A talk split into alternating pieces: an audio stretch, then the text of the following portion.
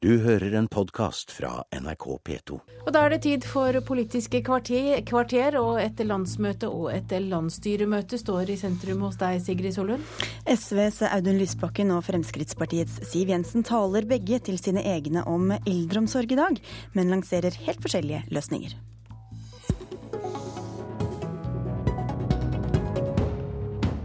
Og straks her i Politisk kvarter blir det debatt om nettopp det.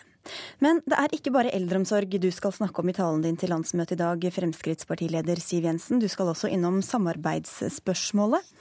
I nyhetene har vi hørt ordførere og fylkesledere som står fast ved at partiet ikke skal kunne støtte en regjering dere selv ikke er del av. Hva vil du si til dem og resten av partiet om dette i ettermiddag?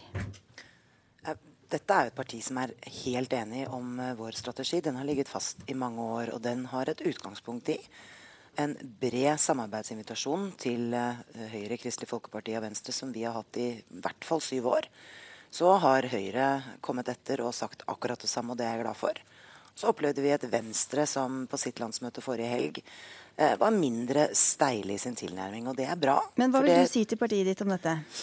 Jeg vil være tydelig på hvorfor Fremskrittspartiet i så fall skal i regjering, for det skal ikke vi for enhver pris.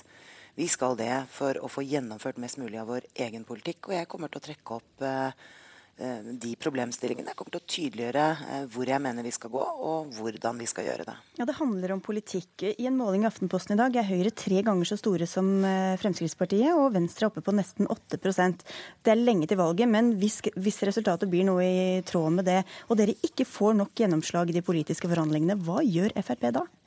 Ja, man kan minne deg om at det er en måling i Vårt Land i dag òg, hvor Fremskrittspartiet er over 20% Det betyr at det er store sprik på meningsmålingene, og det er mye som kan skje. Det vi jobber for nå Det er jeg klar over, men, men hvis dere ikke får nok gjennomslag i de politiske forhandlingene etter valget, hva gjør Fremskrittspartiet da? Det vi jobber for nå, er å bli størst mulig eh, etter valget i 2013. For det er, det er, det som avgjør forhandlingene. Om man har reell styrke til å få innflytelse. Så å begynne å diskutere potetiske A-, B-, C- og D-planer, det er det først og fremst dere journalister som er opptatt av. Jeg er opptatt av én ting, og det er å gjøre Fremskrittspartiet sier, størst det skal mulig, slik at de får ja. størst mulig innflytelse. Størst mulig og størst mulig innflytelse. Men det er jo store forskjeller på viktige politiske punkter. Og hvis dere ikke blir enige, vil dere da heller ha Arbeiderpartiet enn å støtte en regjering med Venstre, KrF og Høyre? Ja, Min ambisjon er at vi skal bli enige, så jeg har ikke tenkt å spekulere i hvis om at det dersom jobb nummer én nå, det er å sørge for at vi får et ikke-sosialistisk flertall med et stort Fremskrittsparti. Slik at vi kommer i regjering. Og så syns jeg det er å snu det hele på hodet. Må huske på at vi har vært positivt innstilt i samarbeid i over sju år. Eh, det er andre partier som har satt kjepper i hjulene for at vi skal få til det. Og det at andre partier nå myker opp linjen sin, det er bra, for det tyder på at vi faktisk kan komme nærmere et regjeringsskifte enn vi noen gang har vært. Og Det var et slags skryt til Venstre bl.a., men hvorfor er det da så uaktuelt for Frp å si som nettopp Venstre har gjort, at borgerlig seier skal gi borgerlig regjering uansett? Fordi, fordi den tiden er forbi. Eh, det har lenge vært slik at man har lent seg på et stort Fremskrittsparti med mange, mange velgere.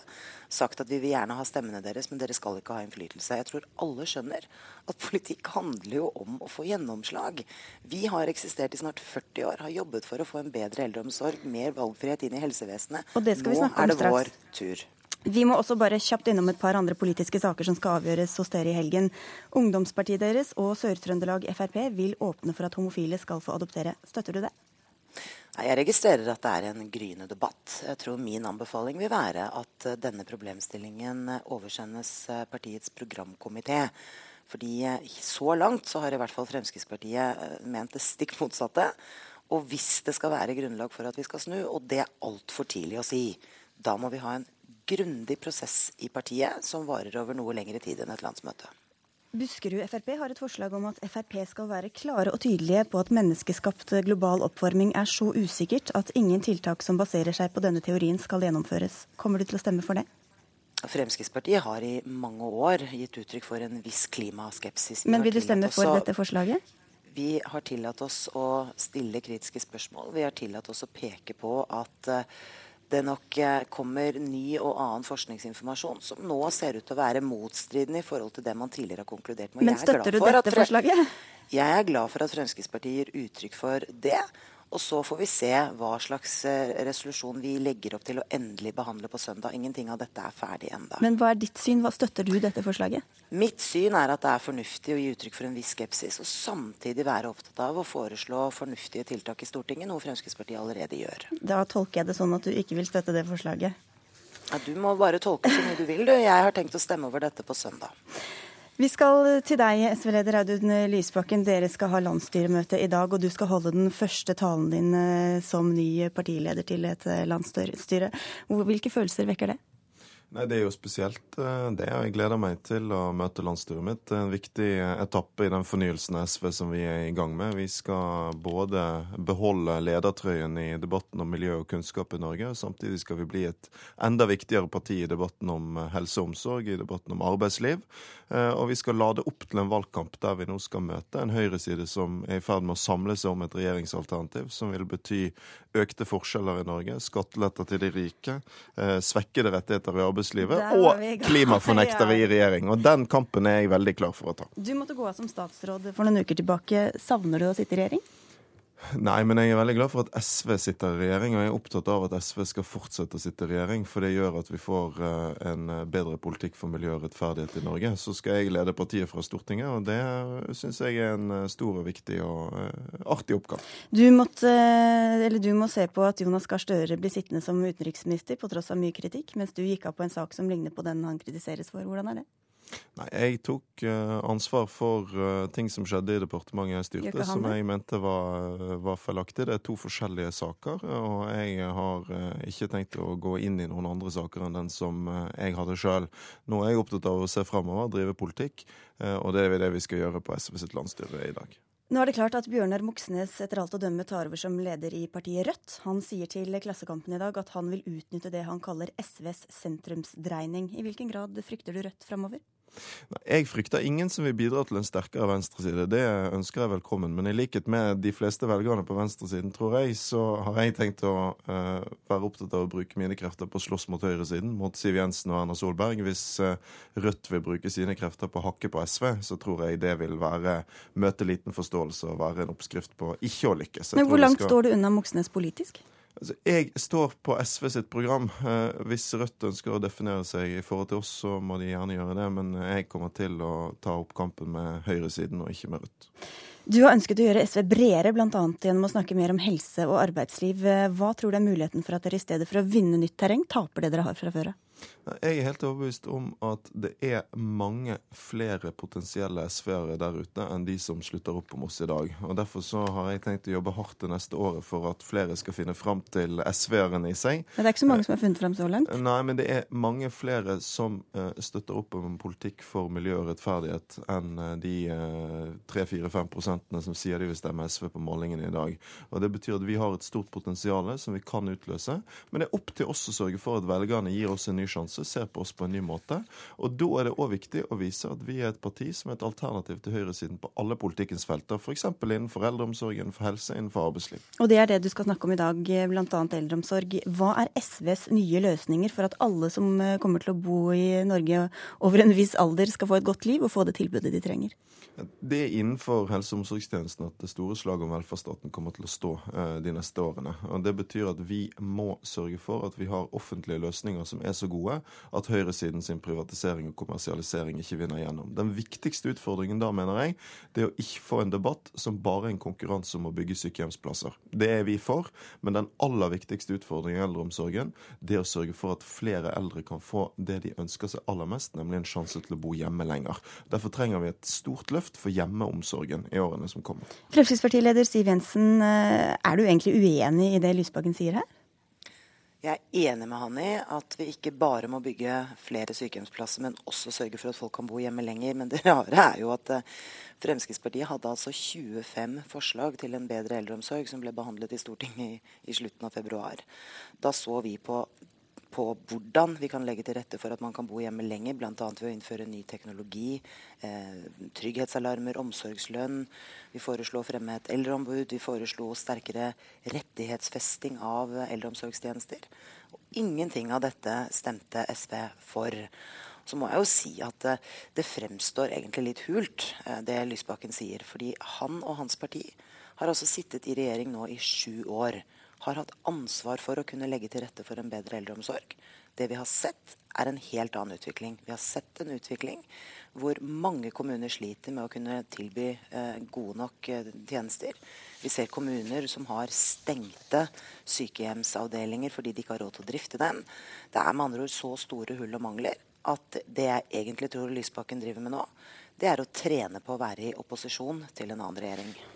Det er gjennomført et stort løft ute i kommunene. Men det er veldig stor forskjell på hvordan kommunene har brukt det økte handlingsrommet de har fått. Mange har ansatt svært mange nye omsorgsarbeidere i eldreomsorgen. Men dessverre er det også en del kommuner som har valgt eh, å innføre mer stoppeklokkeomsorg eh, og innføre rigide systemer som gjør at vi har fått for mye byråkrati og for lite reell valgfrihet i eldreomsorgen. Og Det som er påfallende, er jo at de stedene Fremskrittspartiet får makt, så blir det altså mer rigide systemer, mer stoppeklokkeomsorg Eh, og mindre av den fleksibiliteten som trengs for å gi de eldre det tilbudet de trenger hjemme. Det har vi sett i Oslo med Frp ved makten, det har vi sett i Bergen ved Frp med makten. Og Frp ønsker nå å lage en nasjonal stoppeklokkepolitikk, der staten skal inn og finansiere tilbudet til hver enkelt eh, av de eldre. Noe som vil føre til at den Eh, kontakten med den enkelte, den friheten til å tilpasse til den enkeltes behov, eh, som vi trenger i eldreomsorgen, blir borte. For Nå er du inne på en statlig finansiering av eh, eldreomsorgen, som dere, er, som dere vil ha, Siv Jensen. Hvorfor kan du ikke stole på at kommunene, hvor bl.a. Frp styrer, kan prioritere de eldre uten tvang fra staten? La meg først si at det Lysbakken nettopp sa er galt. Fremskrittspartiet har gjort en ihuga innsats i mange av de kommunene hvor vi sitter og styrer, og forbedret eldreomsorgen med mange kvantesprang. Vi har bl.a. bygget om fra dobbeltsenger til enkeltrom, hevet kvaliteten, sørget for bedre bemanning, sørget for andre turnustjenester. Vi har med andre gjort masse bra.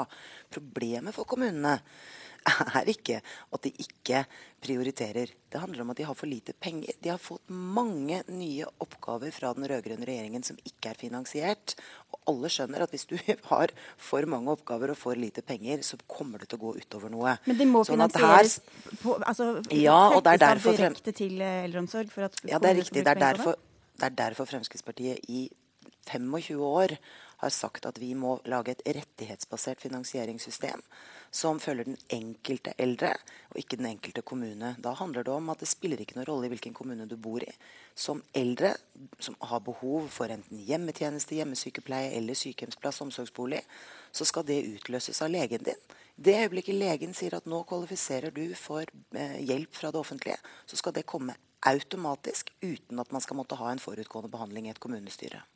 Det høres jo ut som om eh, de, alle partiene snakker alltid om eldreomsorg i hvert eneste valg. Alle er enige om målet og enige om virkelighetsbeskrivelsen. Audun Lysbakken, er det bare dette statlig finansiering? Er det den eneste politiske uenigheten? Nei, Vi er uenige om virkemidlene. Vi er uenige om dette statlige systemet Fremskrittspartiet ønsker seg. For det vil føre til at det, det er lett å sette pris på en sprøyte, på et rom, på et måltid. Men det er veldig vanskelig å sette pris på uh, omsorg, på sosial kontakt. Jo, men da sørger man i hvert fall for at pengene kommer dit de skal, da. Ja, men derfor så må vi stole på på at man lokalt kan tilpasse eh, til den enkeltes behov. Men kan man stole på det du, i din opprinnelige beskrivelse av hvordan eldreomsorgen står til rundt om i landet? Ja, Den er styrket mange steder, og så må vi styrke mer. Men det vi trenger, er også prioritering av det som er aller viktigst nå, og det er trygge boliger som folk kan uh, bo lenger i og hjemmetjenester som gir den enkelte omsorgsarbeider frihet til å tilpasse til de eldres behov. Dvs. Si at den dagen fru Hansen har ekstra behov, så må det være mulig for hjemmetjenesten å være der litt lenger. Men da må jo også lenger. pengene følge med. Hvorfor, hvorfor, vil du ikke sette av de pengene som da skal sørge for at fru Hansen får den boligen Jo, men Det vil jeg, og det gjør vi. Men Siv Jensens system vil være et rigid og byråkratisk system som setter av en eksakt sum for hver diagnose for, uh, hver, uh, for hvert